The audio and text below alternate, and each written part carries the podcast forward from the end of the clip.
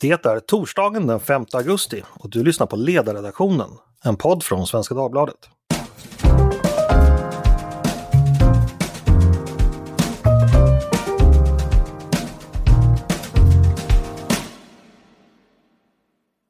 Medan vi i Sverige har njutit av sommar och semester har nyhetsrapporteringen fyllts med allt fler oroande nyheter från Afghanistan.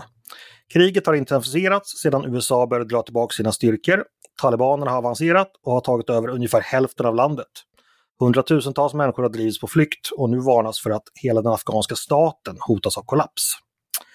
Exakt vad är det som hänt i Afghanistan? Vad händer nu? Och finns det något vi i omvärlden kan göra? Det ska vi prata om i dagens podd.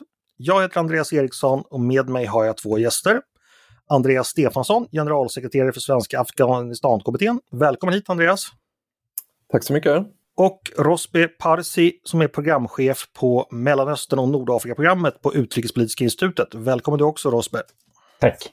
Ja, vi ska börja från början för jag tror att eh, både jag och lyssnarna har nog ganska grundläggande kunskaper om Afghanistan egentligen. Vad är det egentligen som har hänt i landet under de här senaste månaderna? Om vi börjar med dig Andreas, kan du bara kort beskriva eh, den ja, händelseutvecklingen helt enkelt?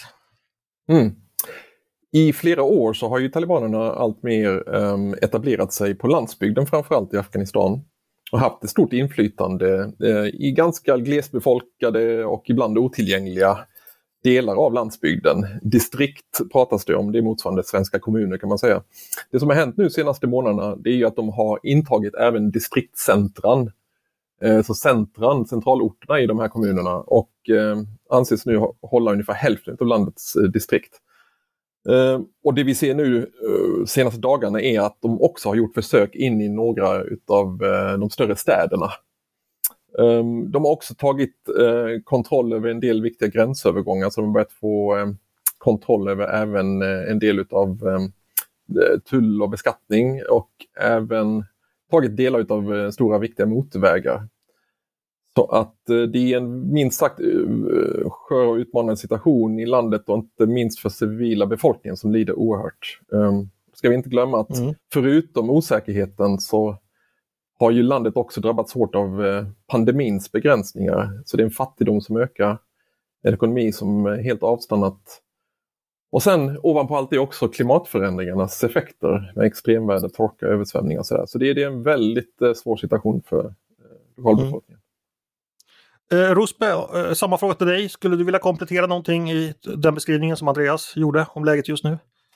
Nej, men det man kan kanske säga där det är ju att det här är ju någonting som delvis också varit eh, förutsägbart. Det är både en trend som Andreas var inne på som går tillbaka flera år, men det har ju också att göra med det vi misstänker jag kommer att komma in på strax, nämligen det amerikanska tillbakadragandet. Det vill säga när man sätter ett schema, när man sätter utmärker liksom dagar i kalendern då det ska ske, då blir det också lättare för talibanerna att se att här kommer vår främsta militära fiende att försvinna. Då är det dags att rycka fram. Och är det det som så att säga är det avgörande som har ändrats de senaste månaderna som har triggat den här utvecklingen så att säga? Det amerikanska beslutet att lämna landet? Ja, det amerikanska beslutet att lämna landet går ju tillbaka till Trump-administrationen. Det vill säga Trump som då å ena sidan förhandlade med talibanerna utan att blanda in Afghanistans egen regering. Eh, och samtidigt gick ut offentligt och sa att till 1 maj 2021 så skulle man lämna Afghanistan. Eh, och det gjorde ju då att dels undergrävde det regeringen i Kabul och dels undergrävde han sina egna förhandlare eh, med att redan då bestämt när det skulle ske. Och Biden kan ju näppeligen gå något annat håll, det vill säga det finns ingen i USA som vill vara kvar i Afghanistan. Och förr eller senare måste man på något vis signalera hur det ska gå till. Och då är ju det, det blir ett maktvakuum. Det är liksom oundvikligt därför att USA är den viktigaste militära makten som står emot talibanerna. Och talibanerna då, eh, de störtades ju, det har ju gått 20 år nu nästan sedan, sedan eh, talibanregimen startades 2001. Är det samma talibaner nu som då eller vad har hänt på den fronten då, med, med dem som politisk kraft? Vad säger du Andreas? Går det att liksom bara kort översiktligt berätta om liksom talibanernas historia de senaste, ja, sen de fördrevs förra gången så att säga? Ja, alltså eh, talibanregimen på 90-talet eh, är ju en, en, en, väldigt svår upplevelse för den afghanska befolkningen och omvärlden eh, minns ju med fasa liksom den eh, repressiva eh, staten och regimen och eh, de blev ju isolerade i stort och det fanns väldigt lite internationellt stöd. till, det var ju väldigt mycket humanitärt stöd in i Afghanistan på den tiden. Um, det man kan säga om talibanrörelsen det är att de har lyckats omgrupperas eftersom de kördes bort från makten. Uh, väldigt mycket med att liksom eh, utgå från Pakistan och sen eh, så småningom då kunna etablera sig in i Afghanistan igen. Uh, vuxit sig allt starkare och uh, kunnat utnyttja den afghanska staten, haft svårigheter med att etablera rättsstat, uh, fungerande administration ute på landsbygden och, och att den afghanska armén har varit ganska dåligt organiserad och eh, lite av, av, bristande moral och sådär. Um, men om man tittar på vad talibanerna egentligen vill så eh, finns det ju kanske inte en glasklar bild och det beror delvis på att talibanerna också inte är en alltid så enhetlig monolit utan det finns ju moderata krafter inom talibanerna, en del som faktiskt sökte någon slags eh, möjlighet till samtal redan på 00-talet. Um, ehm, där man kanske såg egentligen att det fanns eh, möjlighet till någon slags försoning men som eh, USA framförallt inte ville eh, veta av. Um, men det finns också mer hårdnackade element eh, som eh, säkerligen nu eh, ser att det finns möjlighet att kanske försöka inta eh, Kabul så småningom och ta över hela landet.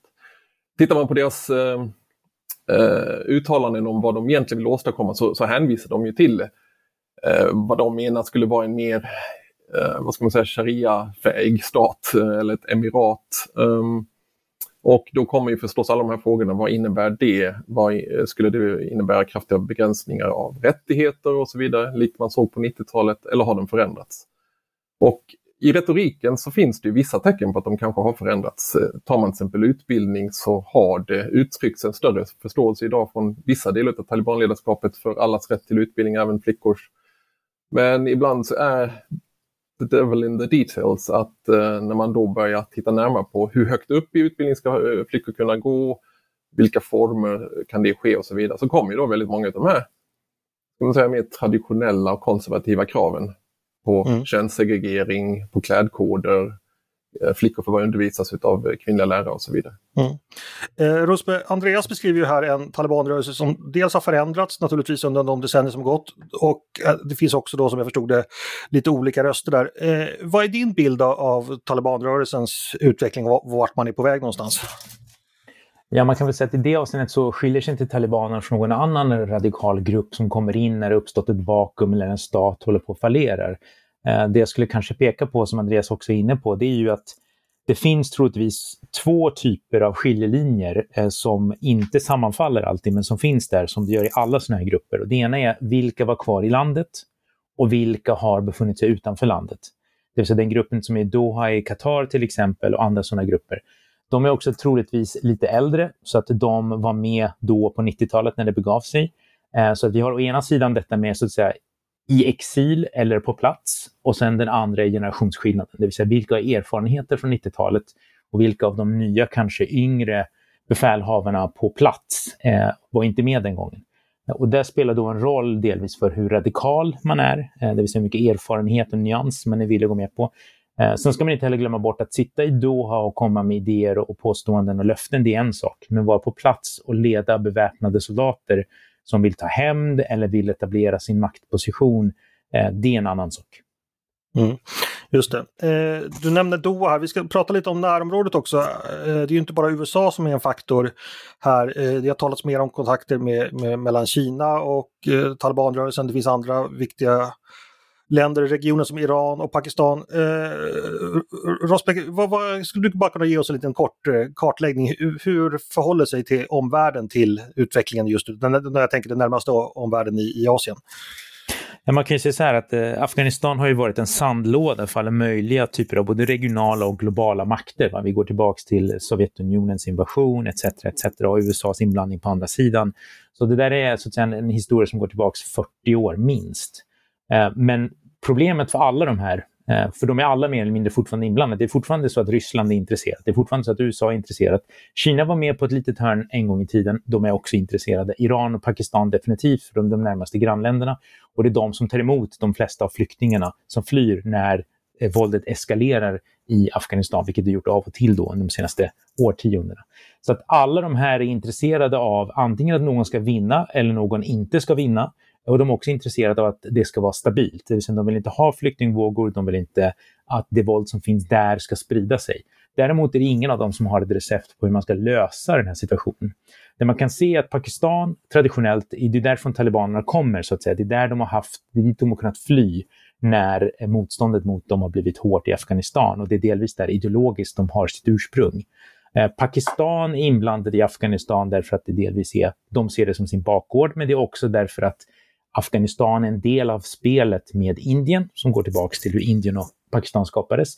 Det i sin tur relaterar Kinas intresse till viss del politiskt. Det vill säga Kina och Indien är rivaler, Kina är allierat med Pakistan, men Kina har idag också ekonomiska intressen i Afghanistan som är omöjliga att, eh, så att säga, realisera om inte det uppstår någon sorts tydlig och stabilt styre i landet.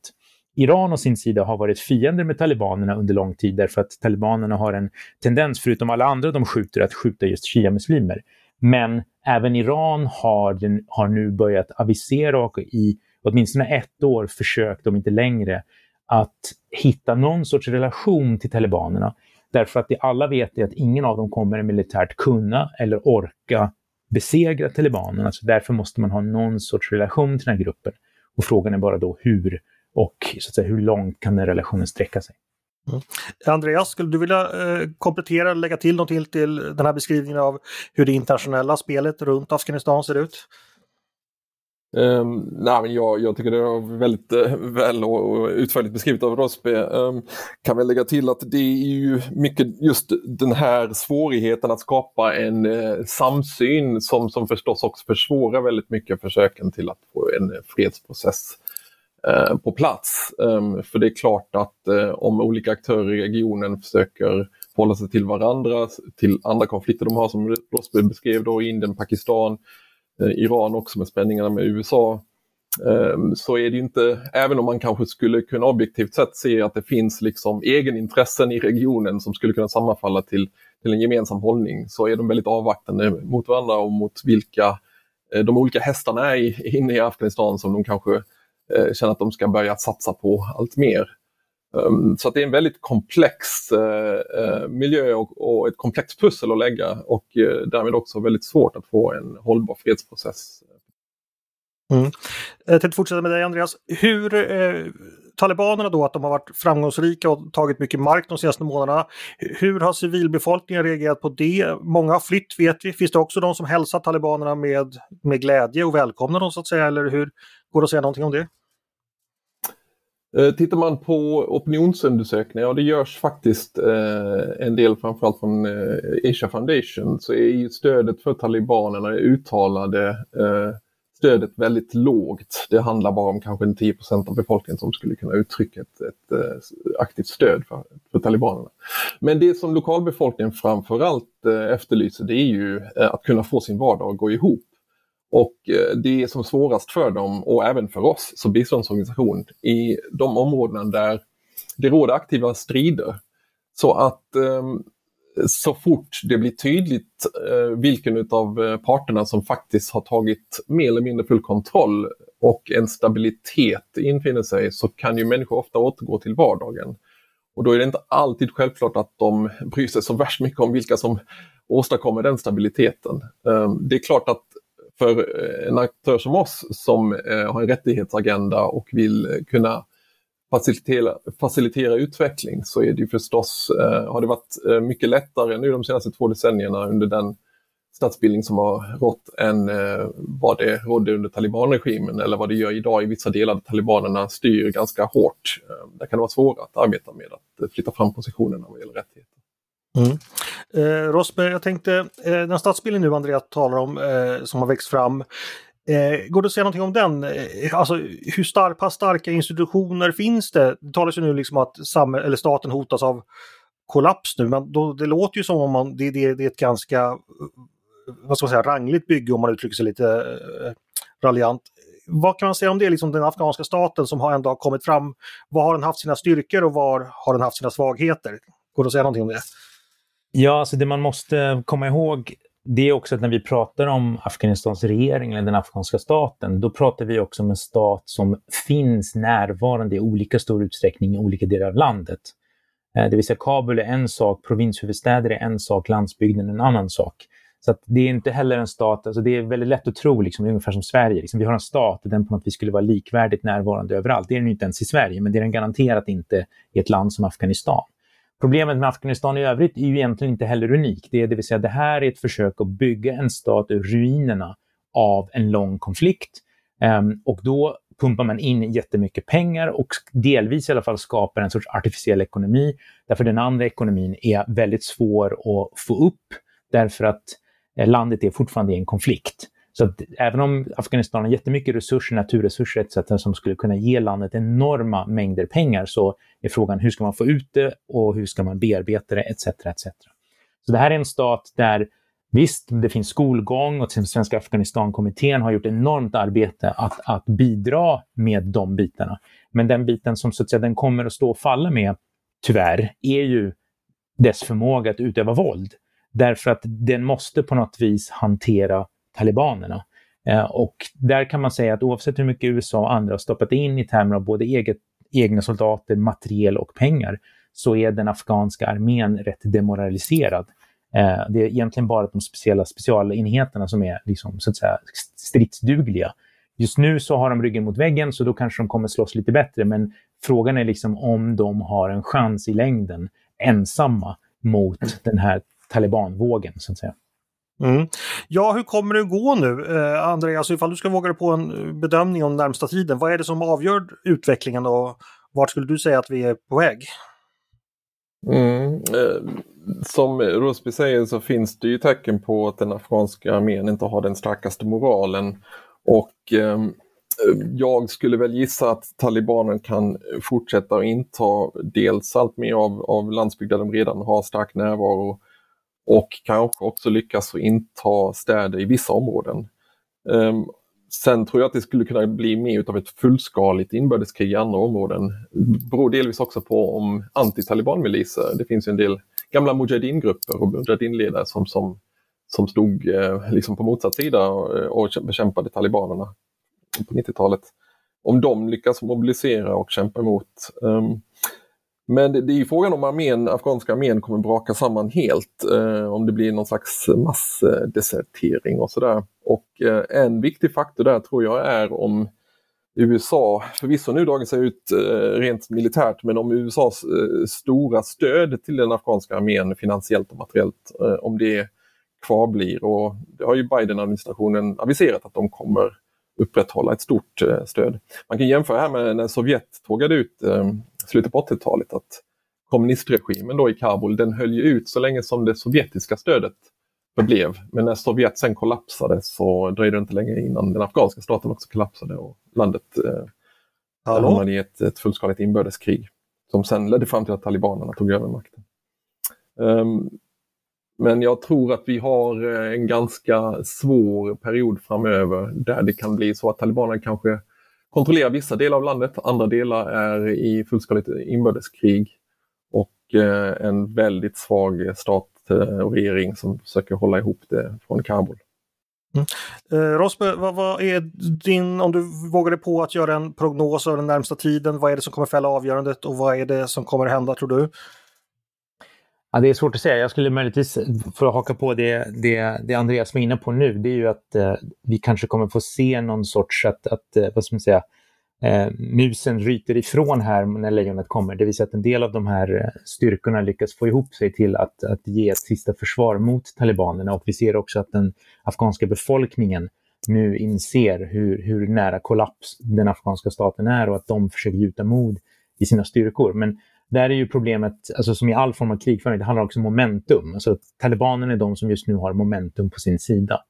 Eh, och om den afghanska armén inte lyckas få ihop sig tillräckligt mycket så kommer de helt enkelt att sköljas bort av den här vågen. Sen kommer inte det ske överallt, utan som, som Andreas var inne på, att det kommer att vara några ställen där talibanerna tar över lättare. Och sen kommer det bli hårda strider om en del provinsstäder. Eh, sen får vi se vad som händer med liksom, Herat, Kandahar och, och, och, och, Kabul så småningom. Men om någon utifrån skulle få för sig att hjälpa dem materiellt, ja, då måste man först också förtroende för att de här som får de här vapnen faktiskt använder dem och inte flyr. Så att de vapnen hamnar i händerna på talibanerna i sin tur. Mm. Rosby, vad, vad, tror du om USAs agerande? Eh, har Biden några andra kort att spela eller hur, hur tänker den amerikanska administrationen? Nej, jag tror inte de har särskilt många andra kort att spela. Jag tror att om de hade tänkt på det här mer strategiskt, om de haft råd och ork att tänka mer strategiskt, så hade de gjort någonting som gick mer i stil med det jag och Andreas var inne på, nämligen att försöka få ihop regionalt någon sorts, inte paket, men någon sorts eh, mjuk landning för den afghanska staten. Men de här staterna och USA har inte alltid så mycket till övers för varandra, så att de kan inte ens samarbeta om det här. Biden ville ut därför att ingen amerikan vill vara kvar i Afghanistan. Så att han, han var tvungen att ta sig ur. Jag tror inte han vill vara där själv heller. Men som alltid när stora liksom, kvasi-imperiala makter ger sig av till slut så gör de det ett par år för sent och då blir det på det här viset, lite grann med svansen mellan benen. Mm. Just det. Eh, Andreas, om vi pratar lite mer om situationen för civilbefolkningen, ni som arbetar med att eh, hjälpa. Hur ser situationen ut i Afghanistan nu? Vad har blivit bättre och vad är, det som, vad är de största problemen som finns? Mm. Jo, men jag brukar vilja passa på att eh, trots all den här dystra rapporteringen ändå lyfta att det har skett stora framsteg.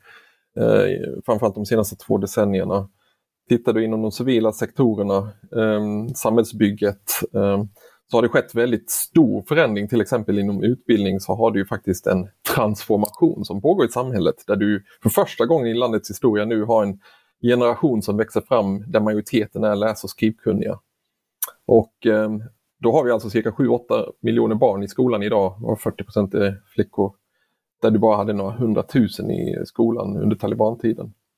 Så det är en långsamt verkande revolution kan man säga egentligen för att det, det påverkar ju liksom lokalsamhället möjlighet att delta i ekonomi, i politik, eh, främjar ju demokrati på sikt eh, och, och, som vi också hoppas och tror att det på sikt också leder till att landet kan börja eh, gå mot fred och utveckling. Sen har du till exempel inom hälsosektorn en sjunkande mödra och barnadödlighet och det är tack vare att en, eh, en eh, rätt omfattande hälsovård nu finns att tillgå runt om i landet och eh, man har fått till bättre liksom, tillgång till rent vatten, sanitet och sådär. Kvinnor har kommit ut i samhället på ett helt annat sätt idag. Ehm, du har kvinnor som förvärvsarbetar som finns i politiken uppåt 25 procent i, eh, i eh, parlamentet är kvinnor. Eh, det har en ganska fri och pluralistisk media. kommunikationer kommunikation och vägar som har byggts.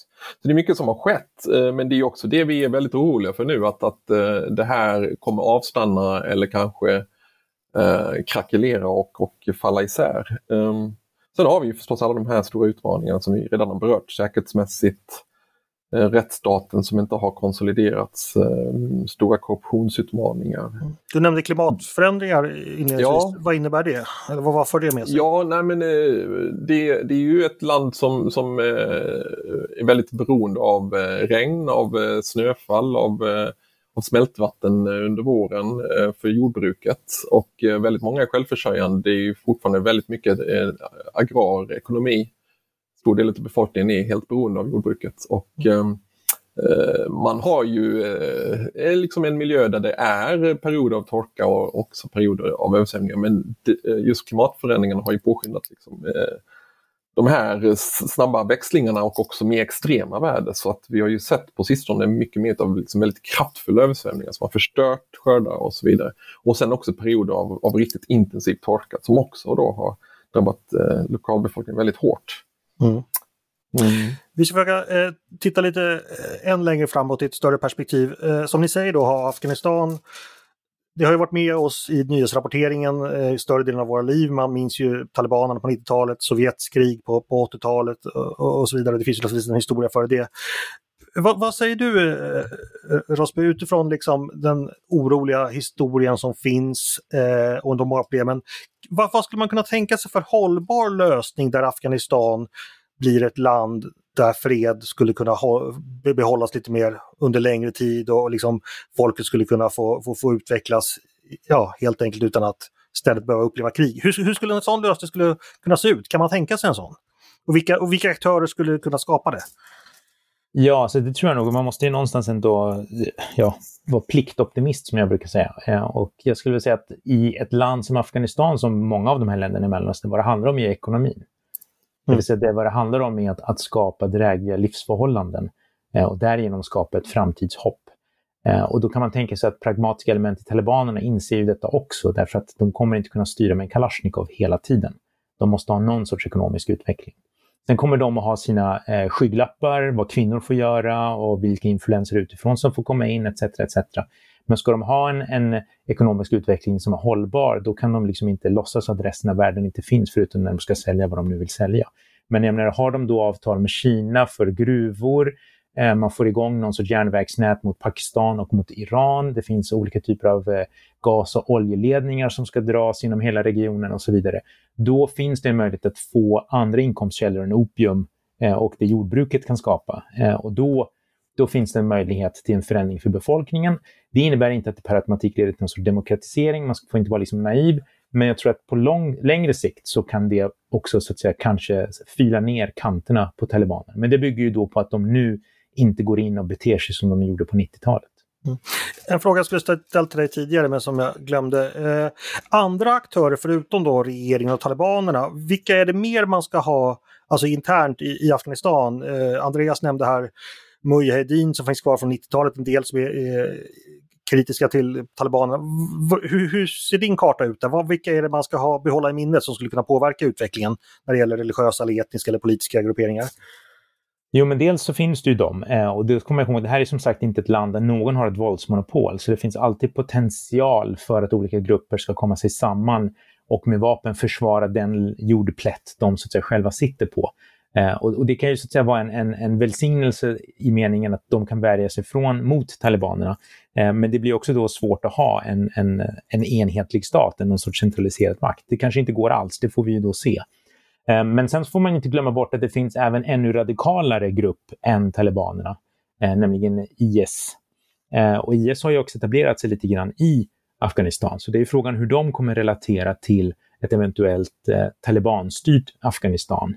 Eh, så det, det, finns den, den, den dimensionen finns där också. Sen är det också så att menar, talibanerna har varit olika brutala mot olika grupperingar. De har varit mer brutala mot hazarerna till exempel, som är shia-muslimer och så vidare. Så att det finns också interna minoriteter som fruktar för sina liv. Och där får vi se då om talibanerna 2.0 på något vis kommer ge dem en drägligare tillvaro än vad 1.0 gjorde. Mm.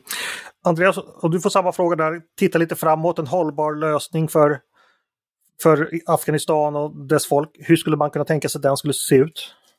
Mm. Jag får väl konstatera först att det finns ju inga snabba och enkla lösningar. Det är ju liksom 10, 10 000 kronorsfrågan sa man väl förr, kanske ska säga 10 miljoner-kronorsfrågan nu.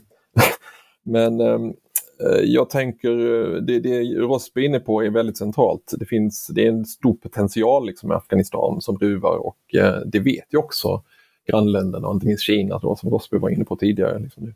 Det finns ju en stark önskan om att liksom kunna utnyttja den potentialen till ekonomisk utveckling. Det skulle gynna både landet och regionen den eh, globala ekonomin också i stort. Um, men jag tänker också att det är viktigt att uh, en fredsprocess slutligen kommer igång och att det finns ett starkt stöd internationellt för en fredsprocess och en press också på den och liksom en påverkan på de aktörerna som kan påverka fredsprocessen och, och, och förhandlingsparterna.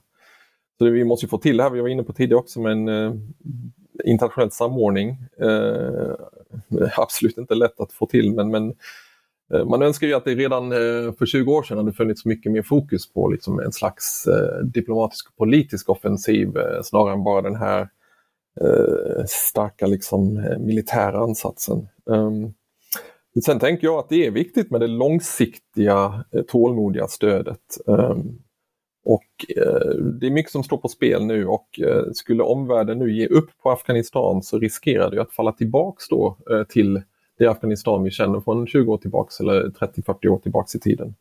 Och det skulle varken gynna den afghanska befolkningen eller omvärlden. Mm. Um, men man måste ju eh, på något sätt börja nå eh, en situation där eh, de som nu eh, så att säga försöker eh, vid förhandlingsbordet att, att det börjar ge mer utdelning där än på slagfältet. Och tyvärr ser det ju absolut inte ut så just nu. Um, Sen tänker jag att eh, det här som Rosby är inne på också, det finns ju en risk eh, med andra grupper också som kan störa spoilers och inte minst IS som har en viss närvaro i landet.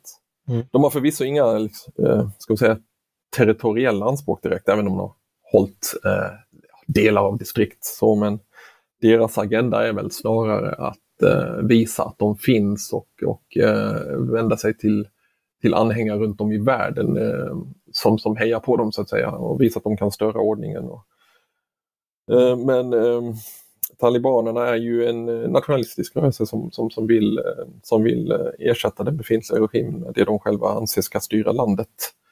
Sen har du, ett, du har ju ett helt ekosystem av, av krigsprofitörer som utvecklats också i det här laglösa tillståndet. Så det tror eh, Rosby, du var inne på det också med opiumekonomin. Där har du ju liksom en ganska stark opiummaffia som inte har ett intresse av att en rättsstat ska komma på plats, eh, omfattande vapenhandel och så vidare. Så det, det, är många sådana pusselbitar som, som behöver lösas och det är minst sagt utmanande. Men jag tänker att uthålligheten hos omvärlden måste bestå eh, och det är ju väldigt svårt att eh, att se att omvärlden skulle orka och förmå. Jag menar USA drar sig ur nu. Eh, eventuellt att EU eh, tillsammans med Sverige skulle kunna, EU har ju liksom aviserat ett fortsatt eh, stort och långsiktigt stöd till Afghanistan. Då är det ju viktigt att också man är tydlig med att det stödet ehm, kan, ehm, kan sina om eh, om talibanerna eh, vittrar att de kan ta över makten och, och införa en repressiv stat. Och det vet vi också att de, de stora biståndsgivarna, EU och även Sverige, har liksom eh, uttryckt att eh, man får ompröva sitt bistånd om det skulle bli en helt annan regim. Mm. Rosmer, vad säger du? EUs eventuella roll? Hur skulle den kunna se ut? Ja, alltså det vore ju jättebra om EU kunde liksom få ihop sig själv så att de kunde eh, bli en, en inflytelserik aktör här. Eh, sen kan man ju så att säga vara mer eller mindre skeptisk till dess egen möjlighet att göra det. Men tveklöst så vad man behöver är långsiktiga åtaganden men också med väldigt tydliga benchmarks för att vad som går för sig och vad som inte går för sig som Andreas var inne på. Eh, men för, återigen, för att det här ska funka, för att man ska liksom kunna boxa in talibanerna i Afghanistan och så att säga hantera deras existens, för man kan inte göra så mycket åt den i sig. Det kräver ju en koordinering så att alla är med på spelet. Därför det är det som alltid är problemet med länder som Afghanistan. Det är att det finns någon som känner att de kan göra på ett annat sätt eller de vill gå på tvären och så finansierar de någon liten gerilla någonstans och sen så undergräver det hela processen. Mm.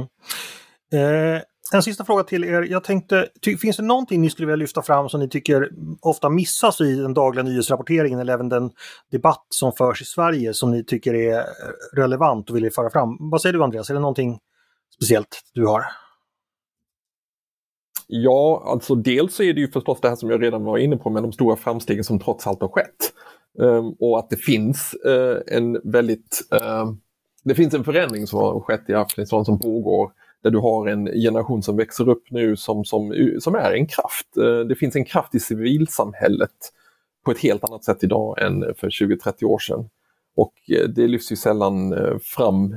Vi ser ju också tecken på ett civilt eh, civil påtryckning så att säga mot eh, beslutsfattare och jag tror ju säkerligen att om talibanerna intar allt mer makt och kanske till och med tar över landet att det kommer finnas ett civilt motstånd på ett helt annat sätt än för 30 år sedan. Sen är inte civilsamhället utrustat med, med vapen så att säga. Så att, jag menar, en repressiv makt kan ju säkert trycka ner och kväsa eh, eh, eh, lokalbefolkningen. Men det kommer finnas ett civilt motstånd tror jag. Och vi ser ju liksom här senaste åren eh, till exempel hur man har fått en minister att avgå på grund av korruptionsanklagelser och mycket mobilisering eh, på social media. Så där. Det finns en ung generation som växer fram som är uppkopplad med omvärlden och med varandra eh, på ett helt annat sätt idag än, än tidigare. Och det, det, är en kraft som eh, man inte ska underskatta. Mm. Eh, Rosbe, samma fråga till dig. Något du säkert skulle vilja lyfta fram som du tycker missas i den vanliga diskussionen om Afghanistan? Ja, så alltså jag kan bara hålla med Andreas. Jag kan bara lägga till där, som, alltså, kom ihåg att eh, hälften av Afghanistans befolkning är under 20. Eh, så det är, det, är, en väldigt ung nation idag eh, som så att säga har enormt mycket potential, potential även så att säga rent mänskligt. Eh, och, och de kommer nog, som Andreas är inne på, inte låta sig kväsas hur som helst, men, men de kommer behöva hjälp. Sen bara en sista kommentar om detta, du säger detta med i Sverige. Jag måste säga att det som jag reagerar på mest senaste veckorna i Sverige, det är småsintheten i den politiska diskussionen i Sverige om vad som händer i Afghanistan. Där diskussionen på sätt och vis handlar om, kommer de att komma hit? Ja, man bara pratar den... flyktingpolitik och inte... Ja, precis. Ja. Istället för att prata om tragedin på plats. Mm. Ja, jag håller med. Jag fick frågan häromdagen om eh, hur det påverkar oss och eh, jag skulle vilja upprepa det här också. Jag tänker att det först och främst bör påverka oss som medmänniskor i världen. Att vi känner i våra hjärtan att vi måste göra allt vi kan för att stödja afghanska befolkningen. För att eh, nu är de som mest utsatta på flera årtionden. Just det. Och om man vill göra det som eh, enskild lyssnare, Andreas, hur gör man då på bäst sätt tycker du? Ja, men här får jag faktiskt gå till vår organisations intresse, jag på att säga. Nej, men vi, vi eh, är en stor aktör i Afghanistan och har funnits där i 40 år och gör skillnad för miljontals människor. Så att eh, som svensk så skulle jag råda att man eh, går in på sak.se och blir medlem och börjar stödja vår verksamhet. Det finns många andra aktörer eh, som stödjer Afghanistan också på ett väldigt bra sätt. Så att eh, runt om i världen finns det olika möjligheter att stödja via olika organisationer. Men Afghanistankommittén i Sverige eh, eh, är ett land som har stor, man har stor respekt för oss i, i Afghanistan. Man ser oss som en opartisk aktör som har stått eh, sida vid sida vid det afghanska folket och man litar på oss. Och Sverige är ett eh, gott föredöme bland eh, biståndsländerna och eh, ja, bli medlem i Afghanistankommittén. Så får man också en väldigt intressant eh, medlemstidning Mm. Om man vill lära sig mer. Eh, vi har i alla fall hunnit reda ut lite saker i alla fall. Stort tack för att ni var med! Eh, Rosby Parsi, programchef med Mellanöstern och Nordafrika-programmet på Utrikespolitiska institutet. Och tack Andreas Stefansson, generalsekreterare för Svenska Afghanistankommittén, för att ni kom och bidrog med era kunskaper. Eh, du har lyssnat på Ledarredaktionen, en podd från Svenska Dagbladet. Varmt välkomna att höra av er till oss med tankar och synpunkter på det vi har diskuterat eller om ni har idéer och förslag på det vi ska ta upp i framtiden. Maila i så fall bara till ledarsidan snabla svd.se. Dagens producent har varit Jesper Sandström. Jag heter Andreas Eriksson och jag hoppas att vi hörs igen snart.